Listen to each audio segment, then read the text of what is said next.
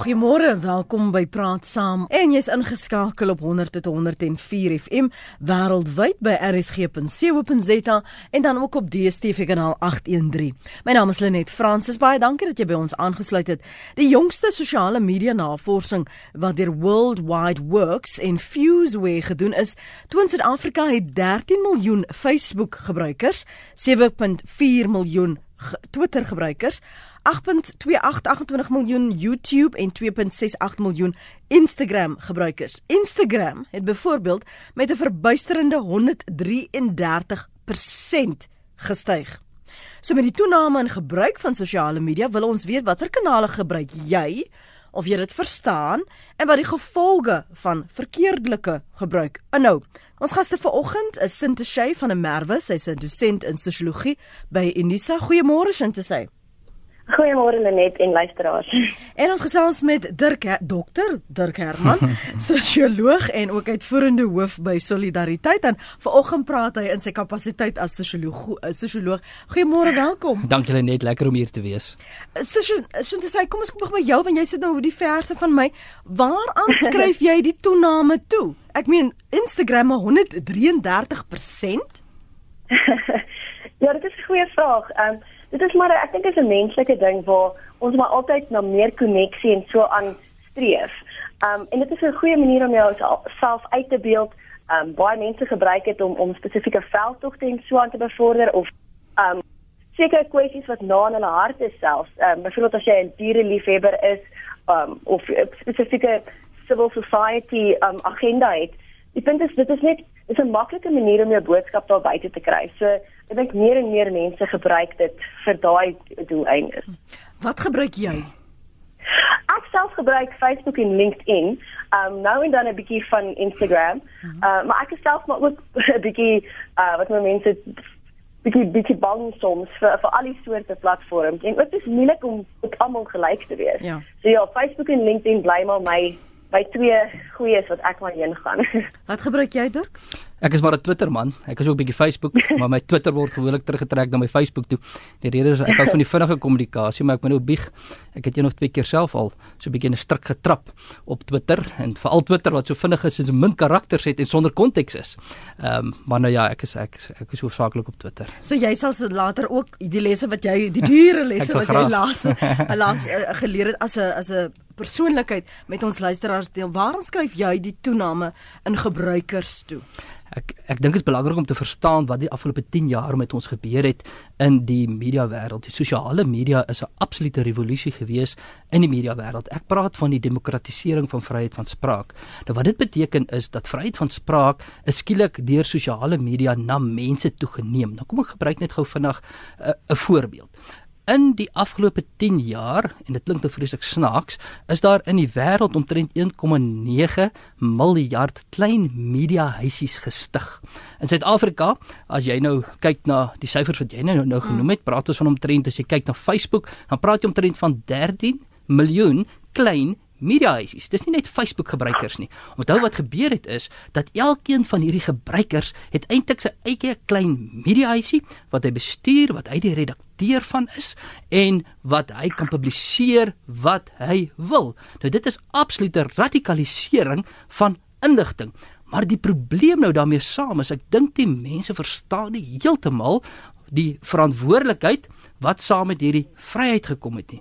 Want spraakvryheid moet altyd saam met 'n verantwoordelikheid gaan. Die verantwoordelikheid is die beperking van spraakvryheid. En nou sit sit ek hier met my eie klein media huisie, soos wat die SAIK 'n groot mediahuis is of ander groot instellings, het ek my klein instellingkie.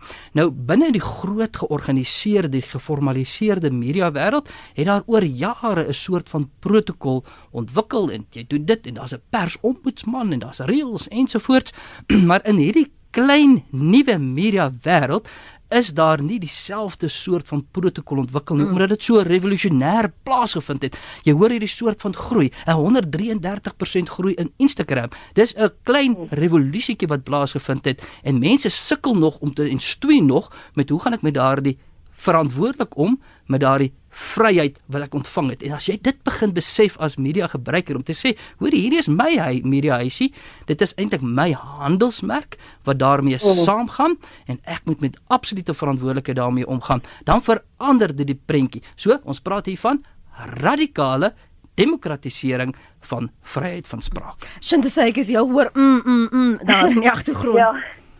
Nee, ek ek stem definitief ehm um, saam met Dirk in hierdie opsig dat ehm um, die verantwoordelikheidsin moet daar wees. Um, want baie mense dink voorheen was die internet baie anoniem en 'n ou het nogal baie uh, vry gehad om in te beweeg in daai opsig. Maar nou is dit baie nou aan 'n klomp goed aan 'n ou gelink op 'n manier. So die groot ding is met al kan, al kan mens sê wat jy wil, beteken dit nie jy moet nie. Ek dink dis die grootste ding om weg te vat daar. Wouter, jy's eerste môre. Môre, ja, dokter Dirk, uh, hy ken nou vir my, maar ek wil net mhm. vinnig iets noem. Baie interessante dinge het gebeur in die afgelope paar jare. As jy borgskappe kry vir 'n uh, sê net maar 'n borg vir 'n projek of wat ook al, dan het hulle verwag jy moet hulle blootstelling gee op TV of radio. Dit het nou verander. Jy moet ook blootstelling gee en hulle vereis dit op sosiale media omdat dit so sterk is. Sjoe, dis interessant. nee, dis absoluut so. Dankie, dankie Wouter die ehm um, sosiale media het tot 'n groot mate ook die stem geword van instellings en maatskappye. En maatskappye gebruik sosiale media om hulle handelsmerk te bestuur. En dan skielik, dan kom hier 'n ander ding by en dit is ons ons gaan eh, aanvaar ons gaan nou 'n bietjie daaroor gesels. En dit is dat jou werknemers van jou maatskappy word skielik jou handelsmerk ambassadeurs. So ehm um, en en dit is hoekom jy so op risiko is as jy op sosiale media is en jy word geïdentifiseer met 'n spesifieke maatskappy. Want vir die maatskappy is sosiale media ongelooflik baie baie belangrik. Sy werknemers en sy ehm um, algemene mense rondom hom raak skielik sy ambassadeur op sosiale media, byvoorbeeld borskappe ensovoorts. So maatskappye maak al hoe al hoe meer en al hoe meer aggressief gebruik van sosiale media om dan spesifiek te ont, uh, oorleef met 'n verskriklike groot risiko daaraan verbonde. Ek het al gesien hoe sosiale media storms op die eie platform van 'n maatskappy net eenvoudig op hom neerdal omdat hy iets verkeerd hanteer het, nie raak gesien het nie en veral omdat hy konteks nie verstaan het en dis waar die sosiale media beleid inkom. Dit is verskriklik belangrik. Ehm um, ek is uit uit die aard van die saak ook by solidariteit en ehm um, ons sien oor en oor en oor hoe maatskappye nie self nie 'n sosiale media beleid het nie. So nou verstaan die uh, maatskappy self nie, die werknemers uh, verstaan eintlik nie mooi self hoe ver kan hy gaan nie? Wat is sy plig nie? Wat is die ehm um, verantwoordelikheid van die werknemer nie? Wat is die reg van die werkgewer nie? En dit moet alles in 'n sosiale media beleid vasgevat word sodat daar behoorlike regulering kan wees. Sint sê die die behoefte van mense om deel te wees of op om enige van haar netwerke of kanale te wees. Gaan dit oor FOMO, fear of missing out? Gaan dit oor waar ek wel ingesluit voel? Wat, wat dryf daardie um, behoefte om op op al hierdie platforms teenwoordig te wees op as 'n individu en Dirk het nou reeds verwys na maatskappye en hulle handelsmerk en die uitbreiding van daardie handelsmerk. Ja, ek dink dit is 'n verskeie ehm um, 'n kombinasie van daai elemente wat reeds genoem is. Ek meen selfs RSG het soekhoek waar daar basies gesoek word na familielede of ou vriende of so aan. So ja, ek dink dit is dit is dis baie so dit is of vir mense wat mens baie baie lank lank ehm um, meer kontak gehad het, weer daai kontakte op te tel.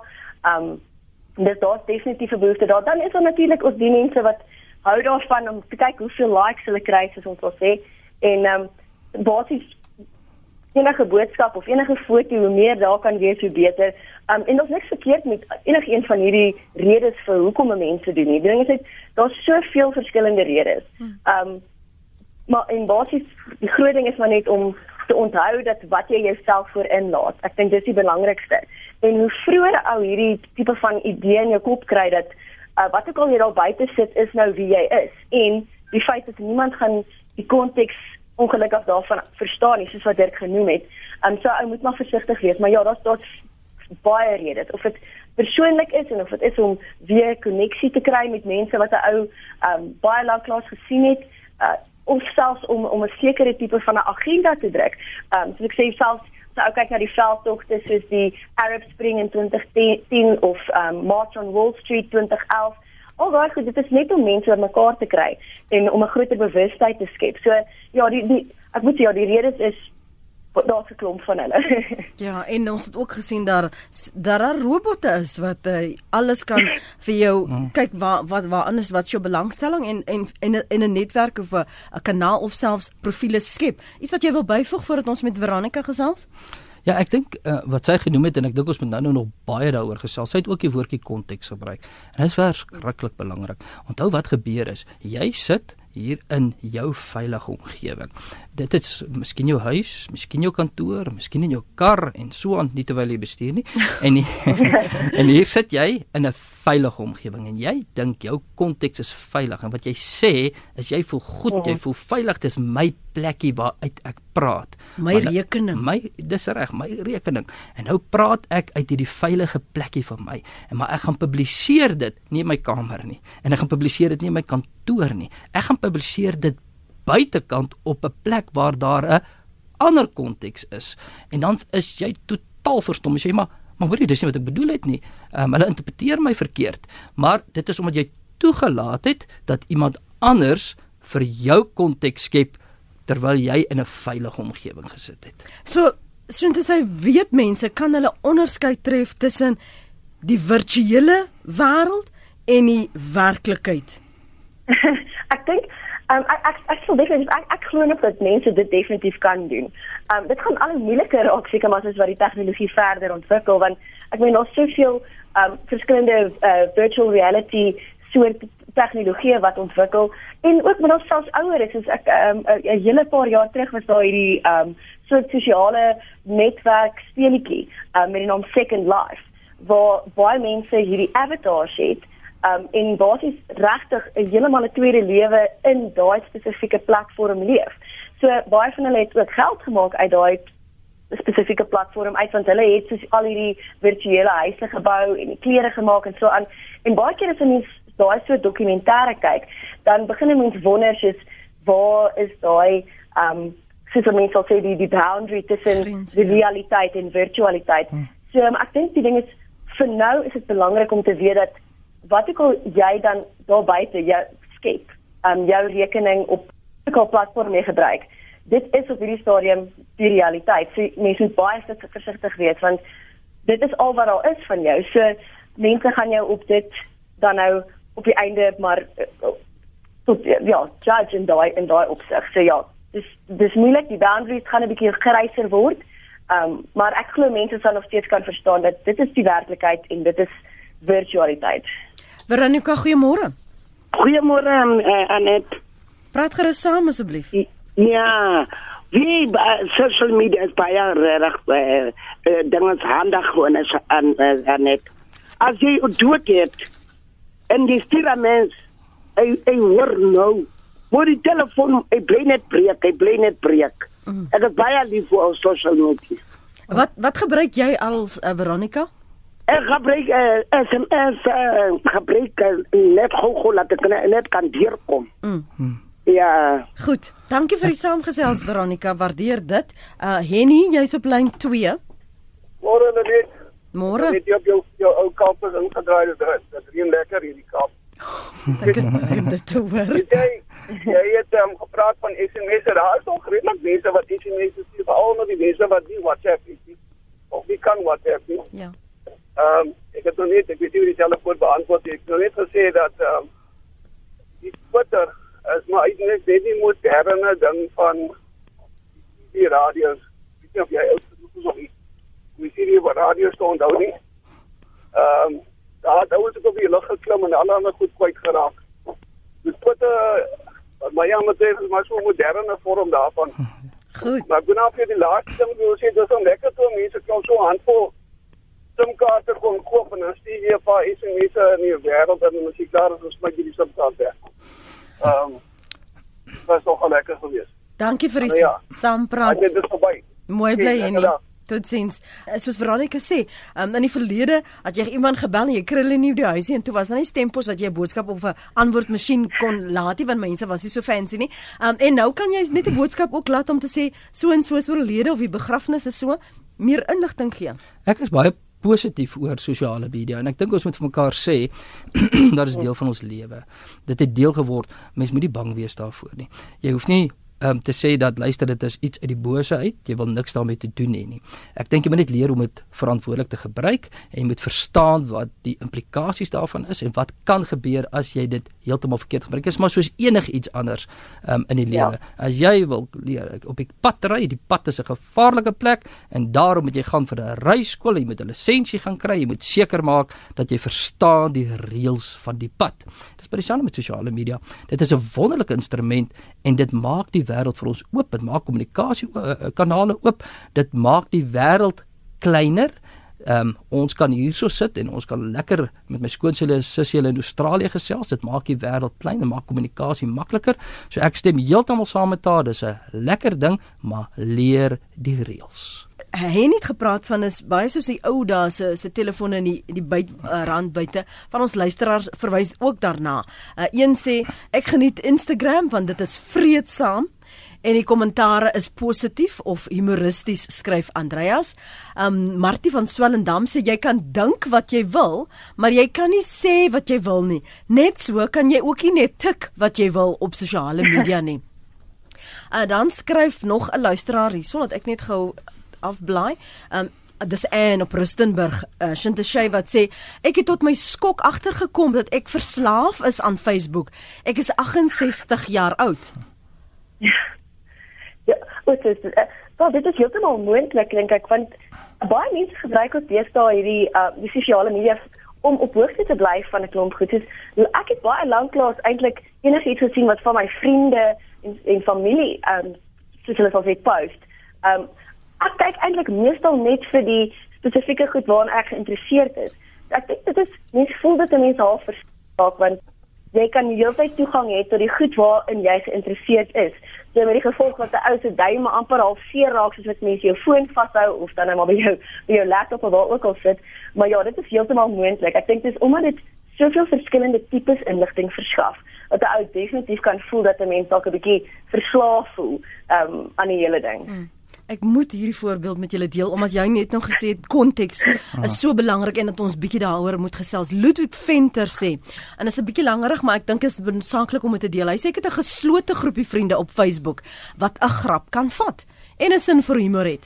Ek het onlangs sommer 'n foto van die internet af op my blad gesit en daarby geskryf: "Dit sneeu hier in Kimberley." Om 'n lang storie kort te maak, is die ding toe al soveel keer geshare dat ek eintlik geskrik het. ek het toe dadelik gesê, "Wow, wag, is dit waar nie? Ek speel net en selfs daarna het die shares net aangehou." Uiteindelik hmm. na amper 5000 shares het ek begin 'n herhalende opmerking skryf van wildvreemdes wat my nie baie uh, vleiend toesnou. En vir elkeen verduidelik ek heel passief, jammer, maar dit was nie so bedoel om te uh, om um, te offenseer nie, om uh, aanstoot te gee nie, dit is net 'n grap en direk daarna nog beledigings gekry. Sjoe, ek het soos modder gevoel. Daar het ek geleer Moenie probeer snaaks wees op Facebook nie. Jy word gekruisig deur vreemdes wat nie 'n sin vir humor het nie. Dankie vir die interessante program. Ek luister elke oggend. Dankie Ludwig. En dan het 'n luisteraar geskryf op ons webblad. Um ook oor wat hy of sy, ek is nou nie seker nie, se se se uitlatings kommentaar was. Ek het as 'n polisielid 'n landdros se bevel gekritiseer op Facebook. Ek is toe aangekla van contempt of court al was ek nie in die hof nie. Ek het 'n opgeskorte afdanking gekry. Blykbaar word dit as contempt of court gesien wanneer 'n polisielid die regstelsel in die openbaar kritiseer. Skryf anoniem. Goed, ek ek dink dis 'n verskriklike belangrike tema wat hy inbring. En dit is hoe hoe word omgegaan in die werkgewer werknemer omgewing daarmee want onthou dat het heelwat mense hulle werk verloor as gevolg van inskrywings wat hulle gemaak het op Facebook baie keer verloor hulle werk nie deur 'n dissiplinêre proses nie maar eenvoudig omdat hulle net eenvoudig nie meer kan nie en daar gaan hulle ons nou ondanks hierdie onderwyser geval gesien wat net eenvoudig op die ou en toe bedank het sonder dat daar werklik 'n dissiplinêre proses was. Maar kom ons kyk net daarna want ek dink baie mense wat luister op die oomblik is in 'n werk werkgewer werknemer um, verhouding. Nou hier's 'n klompie goeters te sprake. In die eerste plek is daar vryheid van spraak. Ehm um, um, ter sprake. So jy publiseer iets en jy kan sê nee, maar wag 'n bietjie, dit het net eenvoudig niks met die werkgewer te doen gehad wat ek um, gepubliseer het nie. Dit was my vryheid van spraak wat ek gebruik het, maar dit word beperk en ek gaan nou nou ek sal nou daaroor sê. Mm. Die tweede een is natuurlik hierdie hele ding op reg op privaatheid. En as jy vraag is of die werkgewer kan inmeng op jou reg tot privaatheid want jy skryf dit dalk daar in 'n privaat op 'n geslote groep. Net so terloops mense moenie dink daar's iets soos 'n geslote groep nie. Daar is nie iets soos 'n ja. geslote groep nie. Ek dink hierdie luisteraar het dit mooi opgesom. Ek wou iets daaroor gesê het maar dit is nie meer nodig nie. En dan natuurlik het die maatskappy 'n reg om sy handelsmerk te beskerm. En jy as werknemer het 'n plig om jou handelsmerk te beskerm. En dan kom ons nou by 'n klomp interessante goeters. In die eerste plek, die reg op privaatheid. Die howe het dit al lekker uitgebring om te sê jou reg op privaatheid word beperk die oomblik as jy in 'n openbare ruimte in beweeg. So jy moet verstaan, sosiale media is ook 'n openbare ruimte. Dit is jou openbare ruimte, maar dit is 'n openbare ruimte. So jou reg op privaatheid word beperk en jy moet dit eers en die reg het dit al mooi uitgekristalliseer vir ons. Die tweede ding is dat die reg op vryheid van spraak word ook beperk met die reg van die maatskappy om sy handelsmerk te beskerm. En kom ons kyk net gou wat gebeur nou daar. Want jy kan ook sê dit is logies indien jy jou werkgewer kritiseer op Facebook, dan kan jy gedissiplineer word. Jy moet dit verstaan. Jy kan nie sê, "Hoorie man, ek is nou so dik vir my baas nie. Hy het dit en dit en dit gedoen nie." Dis 'n risiko. Jy kan gedissiplineer word. Verstaan dit mooi. Dit is so. Die ehm um, maar die hele ding ehm um, dan verder rondom vryheid van spraak lê nou daarin. En iemand het dit verskriklik my mooi ehm um, verduidelik en dit is eintlik 'n 'n lekker akademiese teorie ook, maar hulle het dit eenvoudig gemaak. Wat het gebeur is dit gaan soos ehm um, daar is 'n arena. Kom ons stel ons voor, hier's 'n arena en hier's duisende mense in die arena. Sit daar in alles park. Hy's gepak soos wat hy nou Saterdag pak gaan wees. En daar sit 'n klomp mense. En die mense, ehm um, daar sit 'n klompie mense met blou hemde en daar's 'n klompie mense met rooi hemde en daar's 'n klompie mense met geel hemde.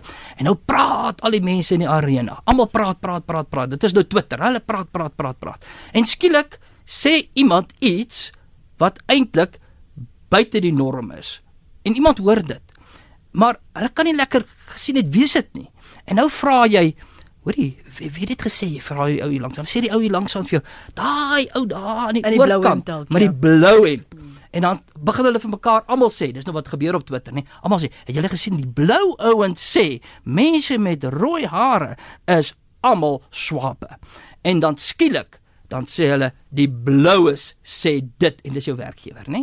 En skielik sê dit die persoon wat by Standard Bank werk, die ekonom by Standard Bank. Dit beteken Standard Bank is eintlik 'n klomp rassiste. En woeps, daar verkoop ek verloor Chris Hart sy ehm um, ehm um, sy werk omdat Standard Bank se handelsmerk daardeur beïnvloed word. Die oomblik as jy gekoppel is aan jou maatskappy, jy werk daar, het jy 'n blou hempie aan of jy 'n rooi hempie aan. En as jy iets sê, dan sien jy dit sê jy dit saam met die bloues of jy sê dit namens jou rooi is en dan kan jy nie meer sê Helen Zille.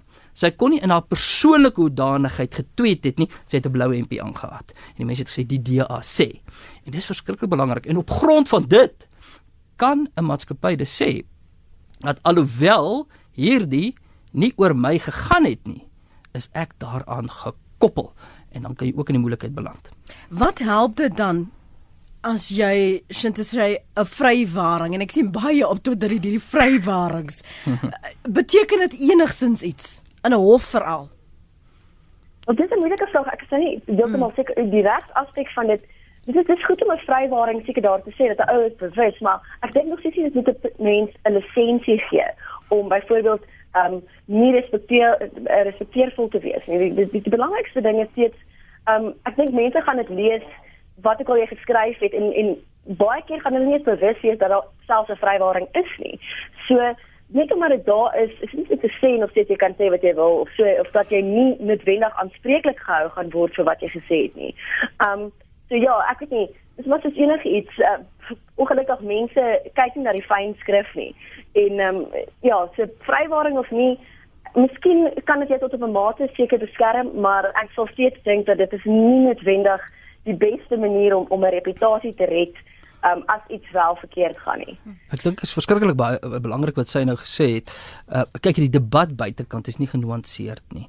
mense die die samelewing hanteer nie kwessies genuanceerd nie. Hulle sê nie ja, maar en miskien dalk dit nie. Hier kan ons op hierdie programme intellektuele gesprek voer en ons kan met mekaar debatteer en ons kan dinge in konteks sit en ons kan nuances inbring en so aan. Ons kan vrywarings inbring, maar die debat daar buite is nie genuanceerd nie. Dis 'n klipharde wêreld daar buite. En dan verskil kontekste ongelooflik baie. My konteks verskil van jou konteks. Jy weet my konteks sal ek sê, maar jou konteks is heeltemal iets anders. En jy verstaan nie eintlik daardie ander persoon se konteks nie. En nou kan jy vrywarings enigiets insit. Hmm. En dan is daar dubbele standaarde en dis 'n groot frustrasie vir my. uh, Persoon A kan A tweet, 'n persoon B kan eintlik dieselfde ding tweet, maar die norme in die gemeenskap is dubbel. En uh, alhoewel ek vies word daaroor, is dit 'n werklikheid wat mense in gedagte moet hou. So onthou, die wêreld is nie genuanceer daar buite nie. En daarom moet jy maar probeer om nie ongenuanceerde stellings te maak nie. Die ou toets is die um, wat ek noem die seepkus kerkplein toets. En dit is: is jy bereid om op 'n seepkusie te gaan staan in kerkplein of op kerkplein met 'n diverse gemeenskap rondom jou waar daar rooi koppe of wat ook al staan en dan maak jy opmerkings op jou seetkus op vir rooi koppe wat reg voorkant jou voor jou staan of blondines of wat ook al of mense met watse veldkleur ook nie. So die vraag is, jy is op 'n seepkus. Jy doen dit in jou kamer, maar is jy bereid om op die kerkplein op die seepkus te gaan staan. Wetend almal staan met tomaties. En wetend, dit is verskriklik belangrik, wetend almal staan met hulle gaan vir jou voeter. Ja. Kom ons ja. gepraat van voeter. Hier's 'n paar luisteraars wat hoeka praat van voeter. Sosiale media is daar om in te lig, op te voed en lesers op hoogte te hou en te waarsku as daar iets ongewoon gebeur. Dit is nie daar om uit te basyn dat die vrou met wie met jou man flankeer het, te gaan op dons nie. So gebruik die Voeter. media voeter voeter. Hier's 'n ander woord gebruik. nee, dis ek. Hier's 'n ander Hier's 'n ander woord gebruik wat vir my baie dierbaar is. Baie dankie anoniem dat jy dat jy sterretjies ingesit het. 'n Goeie begrip het 'n halwe woord nodig. Kom ons hoor gou wat het u een op die hart môre Ian? Jan, ekskuus tog? Môre net in die gaste daarson. Môre. Yes, maar ek wil net uit van bietjie dalk het my so bietjie daarop aangeraak. So ek nou byvoorbeeld by Beseepkes hier gaan staan daar op Kerkplein en ek sê nou sê luister, jy moet besoek daai slaghuis op die hoek daar sê hy verkoop droewors maar dit is droewors smaker maar die goede wat daar binne is is nie volgens spesifikasie nie en ek gaan dit nou doen. Kan ek uh, op die hals gehou word? Kan ek seer kry of mag ek dit doen of mag ek dit nie doen nie? Kan, kan ek kan ek vir sommer gou Ja vinnig ja. antwoord? Vir alles op sosiale media sê dis sy verwysing. Ja, jou ehm daar's daar's 'n paar toetse. Die eerste toets is is dit die waarheid. Ehm um, en ehm um, en die tweede toets is dit in openbare belang. En ek dink dit is daardie twee vrae wat jy oor ehm um, uh, moet moet moet moet kom. Ehm um, want as jy iets publiseer op Facebook of sosiale media wat nommer 1 waar is en dis in die openbare belang, dan het jy die volle reg om dit te kan doen en sal jy waarskynlik 'n lastereis oorleef. Okay. Ja, maar Ja, baie dankie. Jan hou net so vas. Shintashay wil ook reageer. Ek is Okay. okay. ook bang dat dat 'n mens van dit is openbare belang is baie subjektief en ek is klein bietjie bang vir waar 'n ou daai ehm um, wat sy grense kan oorsteek want die ding is wat my openbare belang is is nie noodwendig iemand anders se nie. Ehm um, so dit is dis baie moeilik as 'n persoon ehm um, wat nie noodwendig regkennis en so het om om te sê dat hierdie spesifieke ding is in openbare belang nie. En ook die tweede ding voel ek as 'n ou dan hierdie soort stellings maak, dan moet daar ook ietsie kom van die individu af dat hulle gaan hulle gaan moet opvolg op hierdie. Dit dit kan nie net wees dat 'n ou goed daar uitgooi in die, in die buitekant of in die ethers soos hulle sal sê en dink dat okay nou kan ek my hande was en en dit gaan nou niks met, met my gaan, gaan, gaan gebeur nie. So ek dink dit yes, dit is so. Ek dink sodra solank dit waar is, solank daar 'n mate van openbare belang is, maar weer eens mens moet in ag neem dat daar's 'n subjektiwiteit daaraan. Uh en dan sal ook 'n tipe van 'n um accountability wat 'n ou sal moet vat uh as 'n mens so 'n stelling maak. So gaan daai persoon dan nou daai spesifieke droewors vat en dit laat ontleed en so aan. Ek ek voel net 'n mens moet baie versigtig wees om om goed daar buite te sit en te sê nee, maar dit is dis ek ek ek beskerm eintlik mense. Um want dit is heeltemal te subjektief in in my opinie. Ek weet nie. Baie dankie vir jou mening. Dankie vir jou oproep Jan Dewald môre.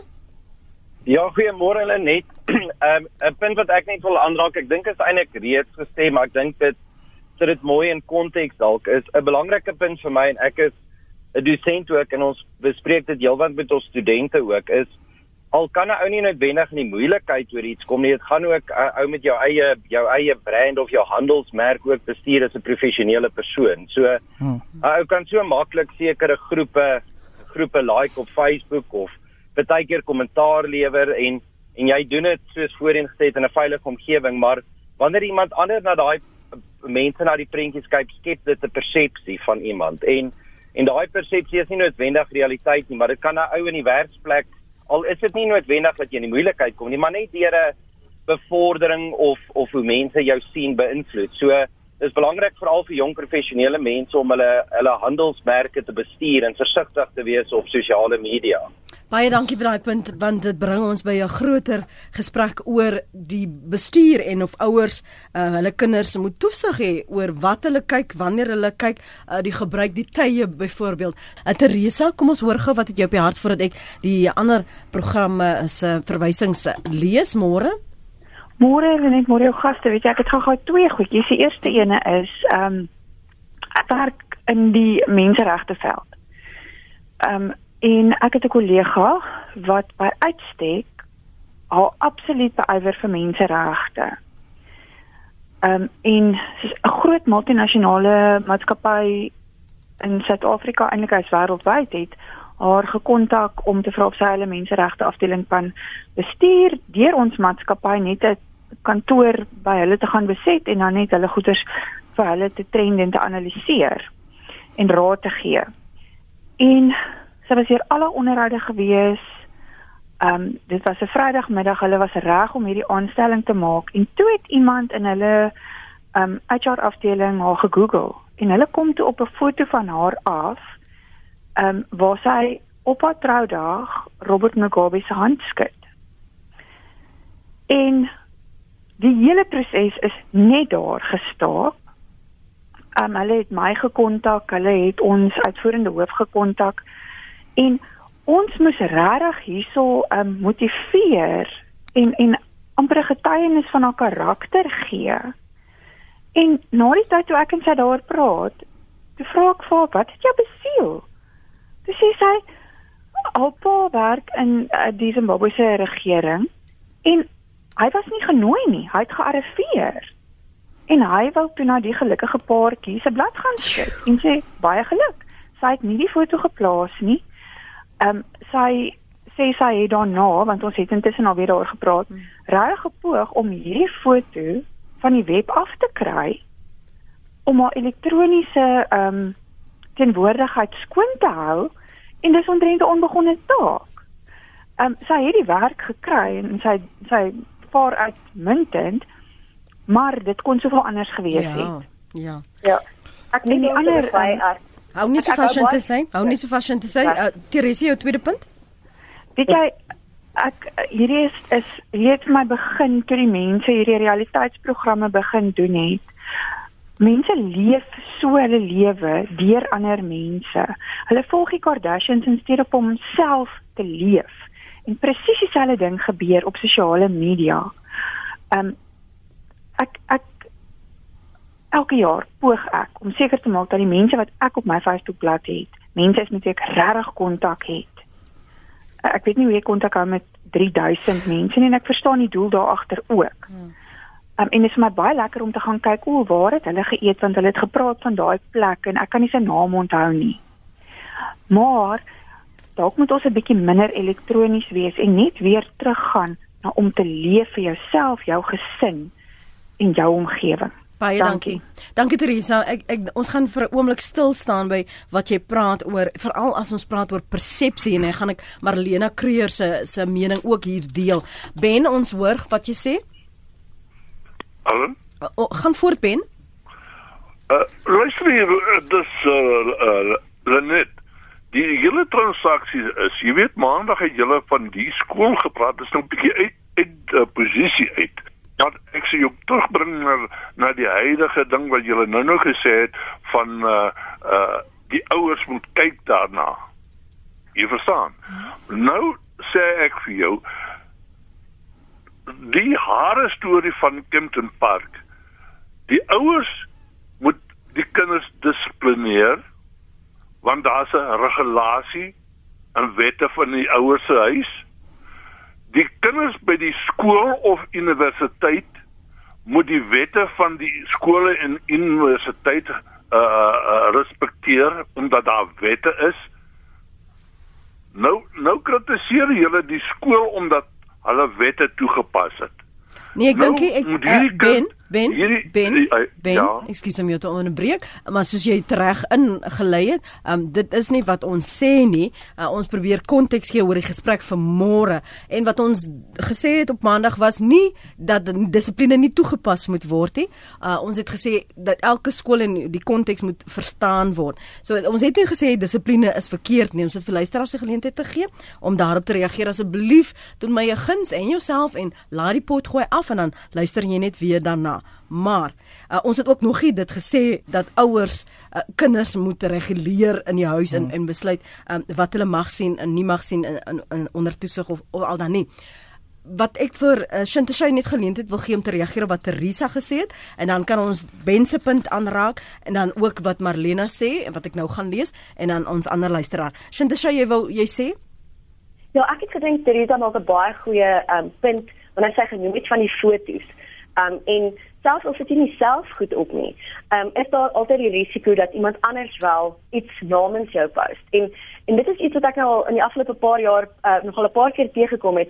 Um dit is dit dit sluit basies so goed in van miskien is dit 'n aand by 'n partytjie of dit is iets van 20 jaar gelede. Hierso is dit baie baie baie belangrik om altyd die persoon se toestemming te vra vir wie jy die foto wil basies post. Um of dit nou is al, al is hierdie persoon al jarelange vriende met van jou, enigiets is dit en dit tel dan veral ook wanneer daar gepost word oor ander mense se kinders, um selfs uh, en dan ook details oor waar iemand se huis is.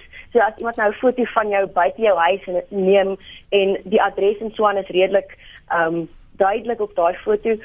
Al daai tipe van goed 'n mens moet altyd altyd altyd toestemming vra. Um en dit is dit is dalk nog soms 'n bietjie vreemd as jy dit nou moet doen want in die verlede het mense so bekommerd geraak oor waar daar buite is nie want dit is so vet moeilik om elke liewe foto op te spoor.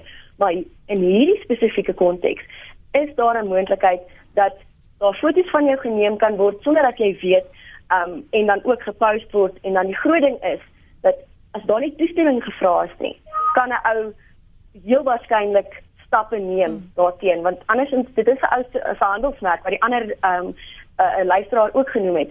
Jou handelsmerk is baie baie baie belangrik in hierdie in hierdie konteks.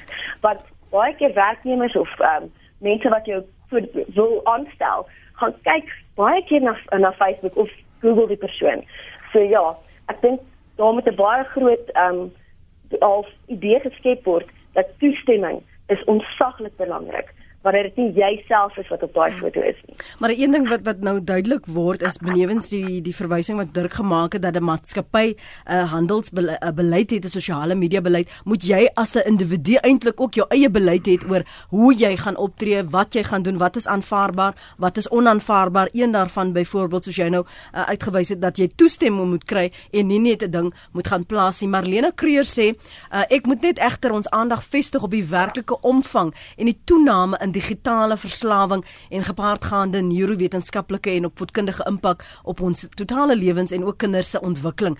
Hierdie verslawing vind tans onder ons oë en ore plaas sonder dat ons dit besef of wil erken en daarom moet ons dit proaktief begin aanspreek en anders optree. 'n Vriendin van my wat in China woon en werk sê, hulle het nou almal is op hulle fone konstant. Hulle het nou 'n nuwe manier geleer om te loop sodat jy teks en nie in mekaar bots nie. Maar dat dit mense instinktief so met draaie, kronkelpaaie om mekaar loop hmm. en teks. Hmm. Ja. Kyk, dit is waar dinge heeltemal net eenvoudig te ver gaan.